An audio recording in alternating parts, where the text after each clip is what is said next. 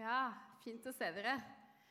Dere, På Touchpoint så liker vi Guds ord. Det er Bibelen. Vi kaller det Guds ord.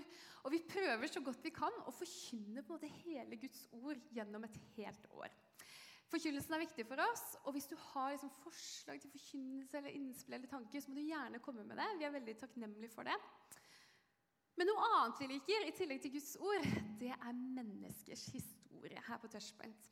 For vi tror at Gud kan ah, snakke til mennesker, at Gud kan røre ved mennesker på en spesiell måte.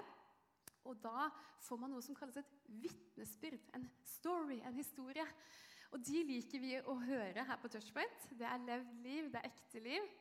Så iblant, sånn utenom sånne faste taleserier som vi har, så har vi noe som vi kaller stories. Der hvor vi inviterer et menneske som har blitt rørt av Gud på en spesiell måte, som har en historie eller noe i livet som vi tenker er verdt å dele her på Touchpoint.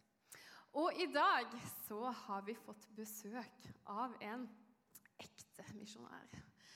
Jeg vet ikke hva du ser for deg når du tenker liksom misjonær i hodet. Kanskje du aldri har møtt den før. Men sånn som jeg tenkte før, det var en person med langt skjegg i sandaler i Afrika. på en måte. Det var mitt syn på misjonær. Men her har vi Ørjan Bredvei, som ser ganske moderne og normal ut. Ørjan er her i dag, og vi skal få bli kjent med deg. Vi kan gi han en applaus. Ønska velkommen til Touchpoint. Ja. Hei, Ørjan. Hei. Hei. Ørjan sitter i lederskapet her i kirka, så han er som sagt ikke på besøk. Han er hjemme. Og han har vært i menigheten i 16 år. Og du er gift med Elisabeth. Tre barn. Og så var du altså i Indonesia fra 2017 til 2020. Her får vi opp på kartet. Kan ikke du si litt sånn Hvor var det du var? Da ser du det. Ja, det ser dere Indonesia. Um, det meste av det dere ser, er Indonesia. Dere ser litt av Malaysia også. Eh, Indonesia er et kjempestort land. Fra øst til vest så er det like bredt som Nord-Amerika. Så hvis du skal reise fra Medan, der oppe til venstre i hjørnet som vi bodde, og til Bali eller Lombok, så bruker du nesten en hel dag på, på reisen din. Bali og Lombok ligger litt ja, langt nede i bildet. Eh, midt på omtrent. Ja. Men du, Ørjan. Det er veldig fint å ha deg her. Og vi lurer liksom på hvordan helt sånn uh, basic Hvordan ble du en kristen? For det Først, er du jo. Ja. Mm. Først har jeg lyst til å si at det er utrolig gøy å være her. Um, jeg sitter i lederskapet og jeg har tenkt at jeg må komme på touchpoint flere ganger. Um, men dette er min første gang, uh, så er, jeg er glad for å være her. Og så er det jo utrolig at dere er så mange. Gøy å få kunne snakke til nesten 200 unge mennesker. Det er artig. Hvordan jeg ble en kristen? Ja, jeg vokste opp i en kristen familie. Um, der um, det har vært en god del misjonærer. En oldefar som var misjonær i Kina. Mine besteforeldre var 40 år i Afrika. Med langt skjegg. Hæ? Med langt skjegg. Nei, ingen av de hadde skjegg. og så hadde foreldrene mine vært misjonærer også. Eh, slik at dette er noe jeg har vokst opp med. Så jeg har vokst opp med gode forbilder som eh, hjalp meg å ja, hjalp meg på veien, og hjalp meg også til å ta ansvar. Så jeg var i skolelaget og hadde ansvar for møter der. og sånn. Så gikk det opp gjennom videregående også.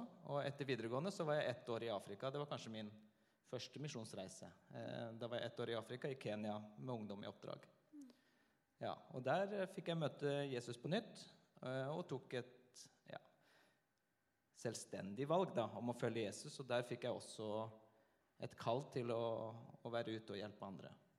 Eller egentlig et kall til å hjelpe andre, og jeg så for meg det at det skulle være, være ute på misjonsmarka. Var det eh, Guds sånn tydelige, soleklare stemme du hørte? Skriften på veggen? Hvordan opplevdes det kallet? Nei, det er vel mer en følelse, et ønske. Eh, noe som blir lagt ned igjen, som en kjenner på at eh, det er noe jeg har lyst til, eller det, det, føler jeg Gud har kalt meg til. Det er mer en følelse eller et ønske. Ja. Mm. Ikke noe skriften på veggen. Nei. Men så, um, så ble du ikke misjonær med en gang. Hva var det du gjorde etter det? Nei, jeg var jo der ute i Kenya det ene året jeg var der, og så hadde jeg egentlig tenkt å bare bli der videre. Men så var det noen eh, svenske pinsevenner som også var misjonærer der ute i Kenya, i det området vi var. Det var også blant muslimer. Eh, og, han, og de sa eh, du må komme deg hjem og få deg en utdannelse. Så kan du komme tilbake, og så har du mer å bidra med. Så da reiste jeg hjem, og jeg bestemte meg for å begynne på legestudiet. Så jeg studerte i Oslo til å bli lege. Og nå er du kardiolog på sykehuset. Ja, Nå er jeg hjertespesialist og jobber på sykehuset her. Mm. Men hvorfor tror du det er viktig å ha en utdannelse i dag for å kunne være en misjonær? på en måte? Nei um, Jeg tror det er viktig hvis man skal ut, ut et sted, så er det viktig å ha noe å dra med seg. Og noe å gi. Um, slik at det å enten å kunne noe veldig godt, eller det å ha en utdannelse så du kan bidra med noe, det tror jeg er viktig. Så min bestefar han var bygningsmann, så han eh, bygde Etiopia fire sykehus og bygde opp radiotomta eh, i Addis, i hovedstaden der. Så han, han, var bygningsmann. Så det er mange forskjellige måter å gjøre det på. Men jeg tror det er viktig å ha med seg noe som man kan gi videre. Mm. Men så møtte du jo Elisabeth. Eh, eh, og hvordan bestemte dere dere sammen for dette? Var hun like mye med på det som deg? Er det noe man sier på første date? Liksom? Ja, vi, det var faktisk på første date. Var, eh, vi snakka om det før vi data, egentlig, også. Um, men for meg så var det veldig viktig. Eh, I og med at jeg følte at jeg hadde et kall, så var det noe som lå veldig langt framme når jeg skulle finne meg en kjæreste. Så det var eh, noe vi snakka om egentlig på første date. ja. Og Elisabeth har også et misjonskall fra hun også var ungdom. Eh, Elisabeth har ja, vokst opp noe i Afrika, hun òg. tre år i Sør-Afrika. Mm. Så vi begge hadde et hjerte for Afrika, egentlig. Så det var noe vi snakka om. Og som vi snakka om før vi gifta oss, og som har på en måte hele tida vært et tema etter vi også gifta oss. og mens vi studerte og sånne ting. Mm. Men det gikk jo ganske mange år fra dere gifta dere og fikk barn, og liksom hamsterhjulet som vi snakka om her om dagen, um, til dere faktisk reiste ut. Og hvordan opplevde dere den venteperioden? på en måte? Nei, Det var jo frustrerende. Vi, vi, følte at vi skulle ut. Og vi ba til Jesus da, om når og hvor er det vi skal reise. Og vi følte vi ikke fikk noe som veldig konkret på det. Og så begynte jo åra å gå, og jeg spesialiserte meg også til å bli hjertespesialist. Det tar jo noen år, det også. Ehm, så åra gikk. Men etter hvert så begynte vi å kjenne på noe som vi ikke hadde kjent på før. Ehm, og det er sikkert sånn seks-syv år siden. Da begynte vi å kjenne på en uro, både Elisabeth og jeg. Kjente at det var noe som ikke helt stemte. Eh, kanskje en følelse at vi var på feil sted, kanskje. Mm. Og da begynte vi å tenke ja, nå er tida for at vi skal reise. Mm. Så Ser du blir rørt når du snakker om det. Eh, det mm, hvordan ber man i en sånn periode? på en måte? Nei, man ber om, å, om hvor og når, og så prøver man å legge det i Guds hender. Og så blir man kanskje litt frustrert, og sånn, så legger man det vekk for en periode. Mm. Eh, og så ber man igjen. Men det Elisabeth og jeg hadde, da, så, eller har, det er at vi har en gang i året så har vi en samtale sammen på bryllupsdagen vår. Ute og spise middag, og så har vi en evalueringssamtale. Og det har vi hatt opp igjennom. Eh, er vi på riktig sted? Hva er bra, hva er ikke bra? Eh, og tenke litt framover. Så det kan anbefales for dere som er i et forhold eller skal inn i et forhold. Tips. Ta en, eh, en, dag i året i hvert fall, som dere har fast bestemt, på å kjenne etter og snakke sammen om er vi på riktig sted i livet. Ja. Men så var det veien fra kall til flyreise til Indonesia. Hva skjedde? Ja, det var jo også Da begynte vi å skjønne at nå, er jo, nå skal vi reise. Vi hadde forholdsvis store barn. Ja, hvor gamle kan de ha vært? da? De var 11, 9 og 7 når vi skulle reise ut. Eh, men vi måtte finne noen å reise ut for, da, så da begynte vi å kontakte litt forskjellige organisasjoner da, for å reise ut. Og så er kona mi Elisabeth hun er helsesykepleier. Så når vi kom i samtale med, med forskjellige misjonsorganisasjoner, så var det egentlig Elisabeth som var ganske interessant. Så Norsk-Luthersk Misjonssamband, eller Misjonssambandet, de ønska å sende oss ut. Og vi passa veldig godt i Indonesia. Men det var jo ikke i våre tanker. Vi hadde jo sett for oss begge to Afrika. Så vi sa vel egentlig først nei. Eh, dette må jeg i hvert fall få tenke på. Så vi avslutta litt eh, de samtalene der. Men så kom sommeren, og så ba vi litt hver for oss, Elisabeth og jeg, og sånne ting. Og så jeg lurer på om det var Elisabeth som sa det når vi nærma oss slutten av sommeren. Det var noen samtaler de hadde i mai, og så gikk det noen måneder. da, mot slutten av sommeren, Så sier Elisabeth at eh, jeg tror vi skal til Indonesia. Så sa jeg at ja, det tror jeg òg. så da hadde det gått noen måneder, og da hadde vi skjønt det at det var dit vi skulle. Mm. Så kom dere til Indonesia, til Medan først. Ja. Ehm, og hvordan er Indonesia?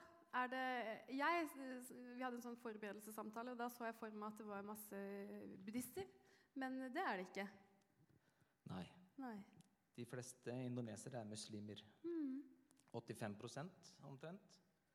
Så det er det landet i verden der eh, bor flest muslimer. Eh, de er 280 millioner i Indonesia, og da mellom 85 og 90 er eh, muslimer. Ja, de er vennlige, gjestfrie og omsorgsfulle. Ønsker å lytte. Og de er også åpne for Religion er eh, et vanlig samtaletema. Tro og religion er et vanlig samtaletema i Indonesia. De er mye mer opptatt av åndelige eller religiøse ting enn det vi er. Så de er veldig med på å snakke om det og lytte og sånne ting. Men veien til å konvertere, den er eh, lang. Ja. Det er eh, utestengelse fra familie og venner og alt mulig. Så det er et veldig langt skritt å ta. Mm. Eh, eh, noe helt annet. Men Hvilket språk snakker Indonesia? Har du noen kule triks du kan vise oss? noen kule fraser? Ja, det er, eh, det er jo indonesisk de snakker, da, så vi måtte jo lære oss det når vi kom ut der. Vi blei vel ikke sånn Jo, vi blei ok, da, i språk på tre år. Men Du skriver masse på Facebook på indonesisk. Det ser veldig fancy ut. ja, skriver litt på indonesisk der. Lettere å skrive, da. Men eh, nei, noe fancy. Eh, Loar biasa, det betyr eh, utenom det vanlige eller veldig bra. Loar biasa. Loar biasa. Ja, da kan vi det. Sånn er det på touchpoint. Loar Ja. biasa. Mm. Men Ørjan, eh, hvilket arbeid gjorde dere i Indonesia? Var det liksom gateevangelisering? For det er kanskje det man ser for seg når man tenker på en misjonær noen ganger. Liksom. Hva gjorde dere egentlig? Nei, gateevangelisering drev vi ikke så mye med. Det var, for oss kristne i et muslimsk land så var det ikke lov å evangelisere. Så det lå egentlig litt i bunn. Eh, Da de kristne, hvis de evangeliserte i Indonesia, så kunne de bli satt i fengsel. Vi kunne jo bare i verste fall bli sendt hjem, da. Ehm, Det hadde jo vært uheldig, det òg, selvfølgelig. Men, eh, så vi var ikke så mye ute på gateevangelisering, men vi var det òg. Jeg og en kamerat og litt sånt var litt ute på kveldene for å snakke med folk. da, komme i kontakt med folk. Men det blir ikke den gateevangeliseringa som man ser for seg her. Det blir mer å få kontakt med folk. Ehm, nei, så vi dreiv mye forskjellig arbeid. Vi var omtrent norske og indonesere sammen. 50 stykker som var i samme team. Så vi hadde ganske stort arbeid. Det var inn mot kirkene, der vi kunne undervise eh, og tale på gudstjenester. Så der var det lov til å, å fortelle. Og vi prøvde å utruste kirkene da, til å forstå at de har de evner og anlegg som, eh, som de trenger for å drive en kirke. Eh, og Gud har utrusta dem med det de har. Så der hadde vi noen opplegg og program som vi brukte inn mot kirkene. Eh, og så hadde vi masse flott barnearbeid. De hadde ikke noe særlig søndagsskole for barna i Indonesia. Barna var med på gudstjeneste, men satt stort sett og hang, og det var kjedelig. og sånt, Så vi hadde mye undervisning for søndagsskolelærere. Vi laga søndagsskole- eller barnemateriell, bøker, eh, kristne bøker. Og vi hadde også barnehjem der vi var inne på to forskjellige barnehjem, der vi hadde fotballtreninger, lesestund, eh, helseopplysning eh, og, og hjalp til. Mm. I tillegg så hadde vi jo alle de store prosjektene som gikk på helse. Og vi hadde et mor-barn-prosjekt som gikk på for underernærte barn. Vi hadde et stort eh, prosjekt for psykisk syke. Eh, vi hadde også flere prosjekter i fattige muslimske landsbyer som gikk på det med helse, økonomi og skolegang for barn. Mm. Men du har sagt at det ble viktig for deg å ta taxi. Så jeg er sånn, å, lege som skal ta taxi overalt. Hvorfor ble det viktig for deg å ta taxi i Indonesia? Ja, det høres jo flott ut, da. Eh, nei, det begynte jo sånn. da. Det var De første seks månedene så fikk ikke vi, før vi kunne språket godt nok, så fikk vi ikke lov å kjøre bil. Um, og det var organisasjonen som bestemte. Så da måtte vi ta taxi rundt omkring. Men det er ikke som i Norge, for dette var uh, billig. Um, det var et sånn internettbasert taxi. Jeg vet ikke om noen husker Det er kanskje eh, det er noen år siden nå. Det er noe som heter Uber, som var i Oslo.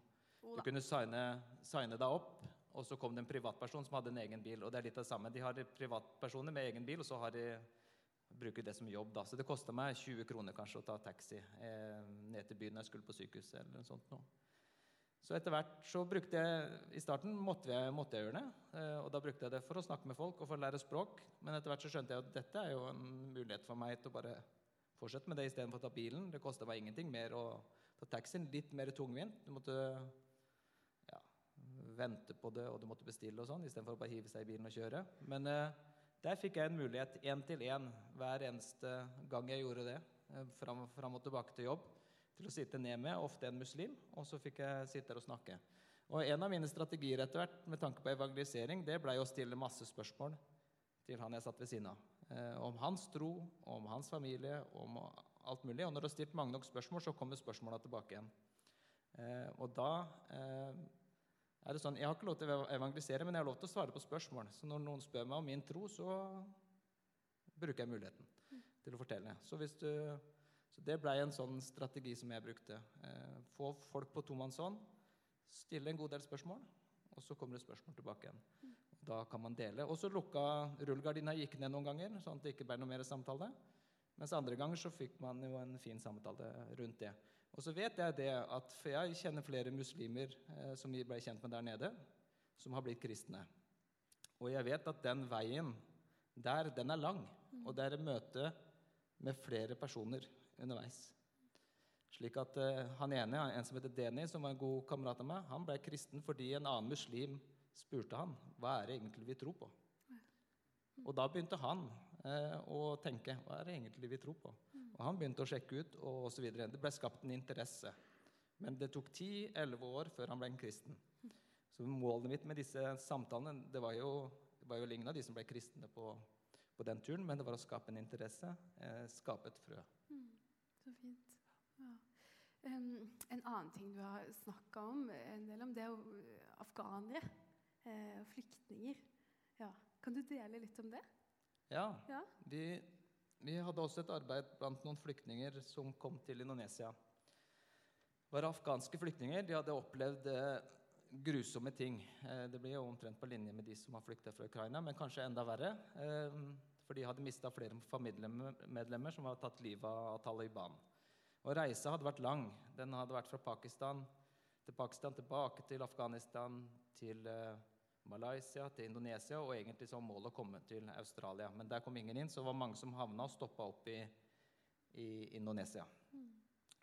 Eh, det var egentlig det, det er litt rar historie, fordi det begynte egentlig tror jeg, tidlig høsten 2018 at jeg fikk eh, et annet hjerte for flyktninger. Eh, det har jeg jo hatt før òg, men jeg begynte å sette meg inn i det. Og så så jeg det at i Norge er det jo faktisk 200 000 Da var jeg i Indonesia, men jeg måtte bare sjekke opp. Eh, 200 000 flyktninger eh, fra land der de i prinsippet er unådde. Eh, disse er unådde eh, folkegrupper. Og 200 000 av de er i Norge. Så jeg så, tenkte jo det at det er en vanvittig mulighet i Norge. Der kan man jo evangelisere. Her kan du si hva du vil i Norge. Eh, og du kan hjelpe, og du kan gjøre Men mens vi var misjonærer der ute og kunne jeg egentlig ikke si hva vi ville. Eh, så jeg så jo egentlig på den muligheten og formidla det egentlig hjem her til Norge. Eh, hvilke muligheter vi har. Eh, men så blei den interessen for flyktningen den kom, kom opp. da, Og så var det Elisabeth som følte at vi gjorde masse i prosjektene og, og, og sånne ting, men om det var noe spesielt vi, ekstra vi skulle gjøre som familie. Um, og så var det så veldig mange som hadde behov. eh, mange som trengte oss. Vi visste ikke helt hvor vi skulle begynne. Så hun ba til Gud at du må vise meg, det, vise, meg dem rett i ansiktet. eh, hvem, hvem vi skal hjelpe, eller om vi skal gjøre noe ekstra. Og så gikk det kanskje to uker, så kom FN på døra på kontoret vårt og banka på og spurte da vår indonesiske manager Han var inne og snakka med han, og så spurte de han om ikke vi kunne tenke oss å hjelpe med noen flyktninger. Fem afghanske flyktningfamilier. Um, Og så gikk han inn til Elisabeth og spurte. Og så sier Elisabeth nei, vi er ikke her for å hjelpe flyktninger, vi er her for å hjelpe indonesere. Så gikk det kanskje ei uke til, og så kom, kom han inn til Elisabeth, og så sa han «Eh, vi skal ikke hjelpe de flyktningene, er du helt sikker på dette? Og så huska hun òg hadde bedt om. Og det ble en veldig fin eh, greie. Det var mange som hjalp disse afghanerne. Ehm, de hadde ingenting. De hadde lagt fra seg alt. Og myndighetene hjalp, ingen, hjalp dem ingenting. Så det var en buddhistisk organisasjon som hjalp dem med litt ris og mat og sånne ting. En muslimsk organisasjon som hjalp dem med, med hus å bo i. Og så var vi der i tillegg. Ehm, og Elisabeth lærte de indonesisk.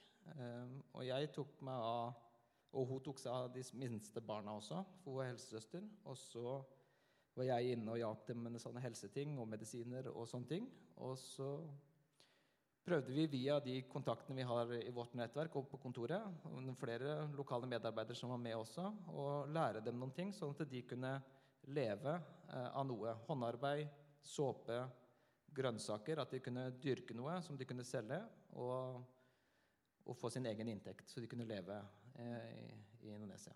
Så fint. Men så utvikler jo dette seg. Vi er jo nesten der hver uke hos disse. Eh, og en gang som jeg hadde undersøkt et par stykker som var syke, og sånne ting, så ble jeg bedt inn på middag. De er takknemlige. Og så, kom, og så begynner den gode praten, da. Ehm, der jeg får stilt dem spørsmål om hele deres eh, reise ehm, og alt det de har opplevd, og også om deres tro. Og så kommer spørsmålet tilbake til meg da, om hva jeg tror på, eh, og hva vi tror på.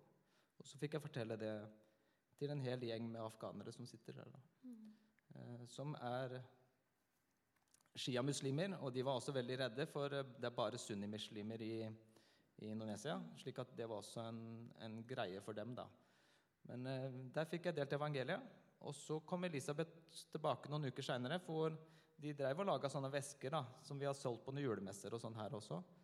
Eh, men hun ønska en, eh, en veske som de skulle lage, som passa til Bibelen hennes. Så kom jeg Bibelen inn til dem og så sa at jeg vil ha noe som passer til denne. Og da spretter ei av disse jentene opp da, i familien og sier vi har også en sånn en. Og da ble jo Elisabeth litt forundra trodde jo ikke egentlig det. Men pelte den ned fra øverst på hylla, ny, og det var et Nytestamente på farsi. Men disse var jo analfabeter. Eh, jentene fikk jo ikke lov til å gå på skole, og sånne ting, så de kunne ikke lese farsi. Men de hadde lært seg smarte folk. De hadde lært seg engelsk på YouTube osv. Så, videre. så det var engelsk vi kommuniserte med dem på. Og de, lære, de hadde lært seg også å lese engelsk. Så spurte de da Elisabeth om ikke de kunne få en engelsk bibel. Jo, det skulle de få. Så det fikk de. Og så var vi der noen ganger hos dem etterpå, der vi også leste litt i Bibelen sammen og fikk noen gode samtaler rundt det. Så dette var hele veien en prosess der det skjedde nye ting. Så veldig fint. Det er stort. Du, kardiologen Ørjan, eh, hvilket prosjekt lå nærmest ditt hjerte i Indonesia? Ja, vi hadde et stort prosjekt som Afghanerne var, var viktig og veldig nært meg, egentlig. Men eh, vi hadde et prosjekt som vi hadde i Indonesia, som også er støtt- støtta av den norske stat, Norad, ehm, som gikk på psykisk sykdom. For det er eh, ingen fokus på det i Indonesia. Ehm, det var kanskje ett av to prosjekter i et gigantisk land. Og i Medan, som vi bodde i, som, eh, der, det var en millionby. Eh, området rundt Medan, 14 millioner. Ett sykehus for psykisk syke. Ehm, slik at det var ikke noe særlig fokus på det. Og de som var psykisk syke, de var egentlig innesperra i hjemma. Ehm, noen i lenker, andre bare låst inne. Jeg så ikke én med Downs syndrom jeg, på, på gata i Indonesia. Hjemme, inne. Så om de var psykisk utviklingshemma eller om de var psykisk syke. Hjemme uten behandling. Ehm, Så det var et stort prosjekt vi hadde, der vi fikk dem eh, fikk kartlagt de. Vi begynte i én bydel og fikk de til legehjelp. Ehm, Fikk på de de medisinene de skulle. Fikk dem ut i arbeid som de kunne takle å gjøre. Det kunne være reparasjon av mopeder eller sykler. Det kunne være at de var med i bakegrupper eller håndarbeids- hånd, håndarbeidsgrupper. Eller det kunne være såpelaging eller andre ting som vi kunne få dem ut og inn i et slags arbeid. Og Vi hadde også noen som gikk og klippet gresset rundt omkring. så Vi hadde noen kontakter der de fikk lov til å klippe gresset og fikk litt penger for det. Og det var eh, en fryd hver gang de, de kom på kontoret vårt for å klippe gresset. Så det var fint. Hvordan var det å se den verdigheten de plutselig fikk da? Ja, Det er å gi dem verdigheten tilbake. Sette dem i et arbeid. La de få muligheten igjen. For disse har egentlig, hadde egentlig mista all, all verdighet og alle muligheter i livet. Mm. Å, det var fint å høre. Men Ørjan, eh, hva har det gjort med hjertet ditt? Nå er jeg inne på hjertet. Å være en misjonær, være i en annen kultur enn Norge. Ja um, Hva har det gjort med det? Vi måtte ta noen viktige valg når vi skulle reise ut. Um, vi ble også usikre når vi skulle reise ut. Tør vi virkelig dette? Ehm, vi hadde litt store barn. Ehm, de måtte vi eh, røske opp fra en trygg hverdag. Eh, vi hadde våre jobber, vi hadde hus, vi hadde mange ting. Så vi måtte ta noen viktige valg og si at jobben er ikke så viktig, huset er ikke så viktig, barna er viktige, men eh, vi, måtte, vi hadde også med dem i prosessen, da. Så at de også ville. Og så visste vi at de kom til å få en fin hverdag på en god skole i Indonesia. Så vi måtte ta noen viktige valg om hva som er viktigst i livet. Eh, og tørre å ta noen skritt i tro. Altså tørre å gå, gå ut i det ukjente eh, og det skumle, egentlig. Og stole på at Gud eh, Gud bærer oss, sørger for oss og passer på oss. Eh, og vi har følt det, og det har gjort noe med hjertet mitt, at vi har vært velsigna. Vi har fått bønnesvar. Vi har fått lov til å gå i feilaktige gjerninger, og vi har fått lov til å leve i Guds nærhet på en litt, helt spesiell, eller litt spesiell måte når man er ute som misjonær. tror jeg. Mm. Fint. Veldig inspirerende å høre på. Mm. Ja. Um, og så er dere tilbake i Norge, i hamsterhjulet, i pandemitid. Men du har likevel noen um, historier, og du er på jobb hver dag på, eh, på sykehuset. Eh, og på høstkonferansen, så vi, hadde, vi har en høstkonferanse her i menigheten hver høst, så delte du litt også fra det.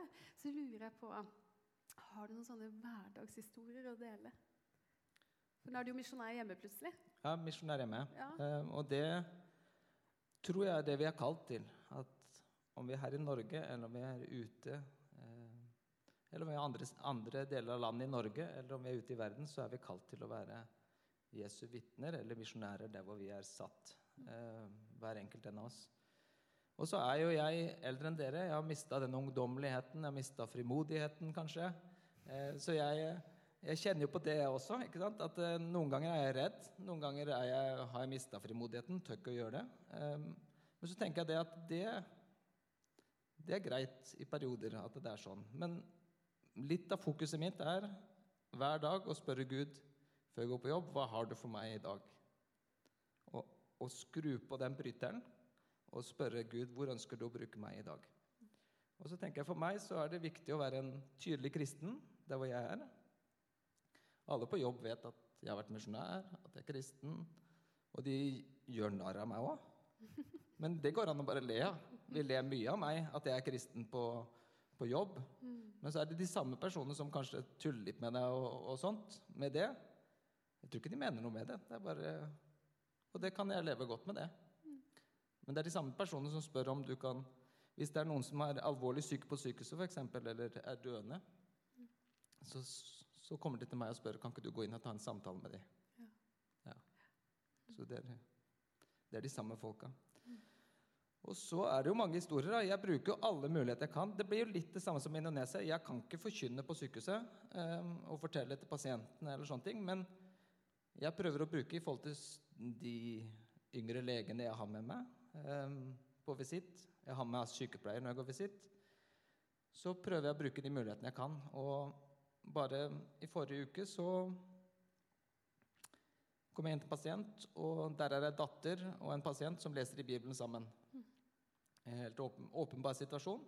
Og tenker at de er kristne, jeg er kristen. Og jeg kan fortelle det, at jeg er kristen, og at jeg går i denne kirka, og spør hvor de går, osv. Men da får vi en naturlig samtale, og vi har en sykepleier med oss som ikke er, er kristen, som tar del i denne samtalen vår. Jeg tenker at Det er en mulighet uten at jeg forteller noen ting, men, men jeg drar det inn i hverdagen. Nå vet hvert fall hun at jeg er en kristen.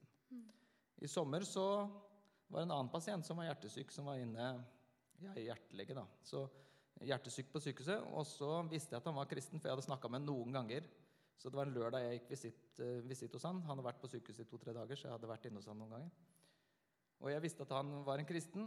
Og jeg hadde med meg dette toget da, med yngre leger og sykepleiere og sånn inn på rommet hans. Og så, ikke, og så, spurte jeg på en måte Kan ikke du fortelle din historie? Mm. Og da kom jo hele vitnesbyrdet om Jesus. Så da ble jo Jesus forkynt på sykehuset den dagen uten at jeg gjorde noe. Jeg bare stilte et spørsmål. Smilte lurt. Og spilte lurt. Ikke sant? Så du må bruke de mulighetene man har. Og forrige pinse, eh, det er jo snart et år siden, da, så var det en av mine kolleger som, som sa Det var fredag før pinse. Nå er det pinse i helga. Ørjan, hva betyr egentlig pinse? Eller hva er det for noe? Og det var en av mine overlegekolleger som sa det.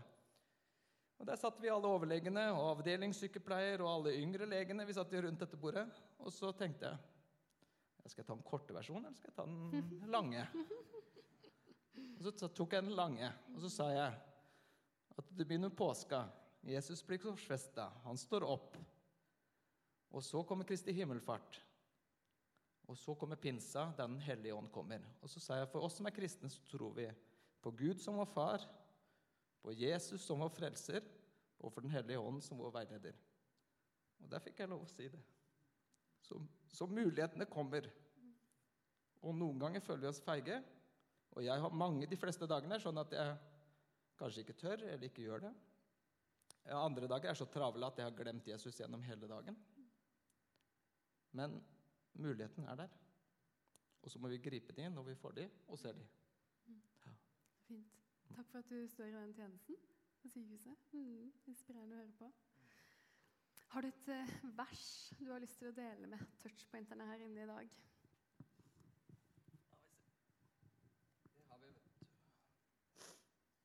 Vi får det opp på skjermen, kanskje?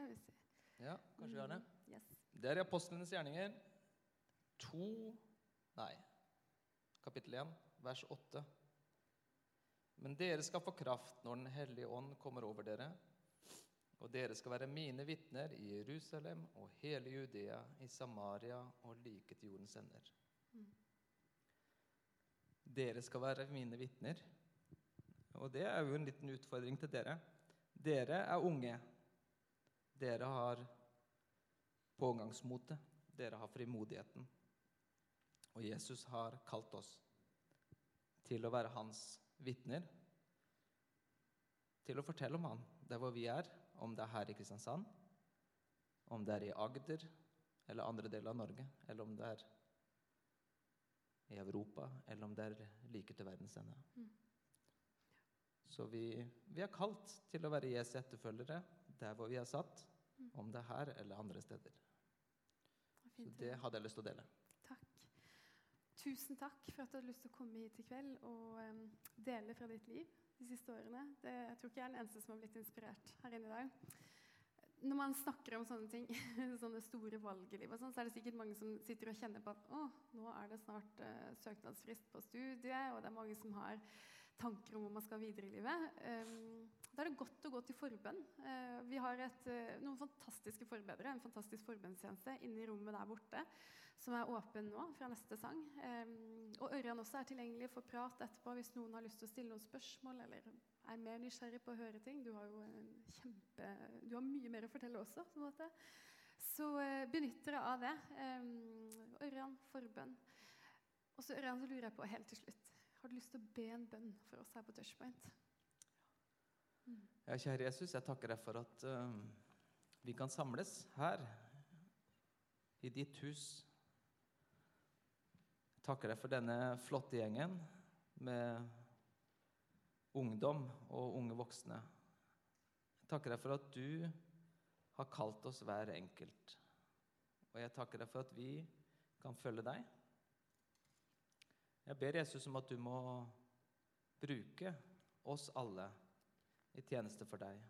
Om det er på skole, om det er på jobb, om det er blant venner eller i familien, så ber jeg om at vi må få frimodighet, At vi må kunne se de mulighetene du legger foran oss. For du ønsker å bruke oss, og du ønsker å, å lede oss gjennom livet. Så ber jeg for disse som er her, de valgene de skal ta i forhold til hvilken retning de skal gå i forhold til studie eller i arbeid, eller hva det måtte være. Jeg ber om at du leder dem, at du velsigner dem, at du holder dem i din hånd. Amen.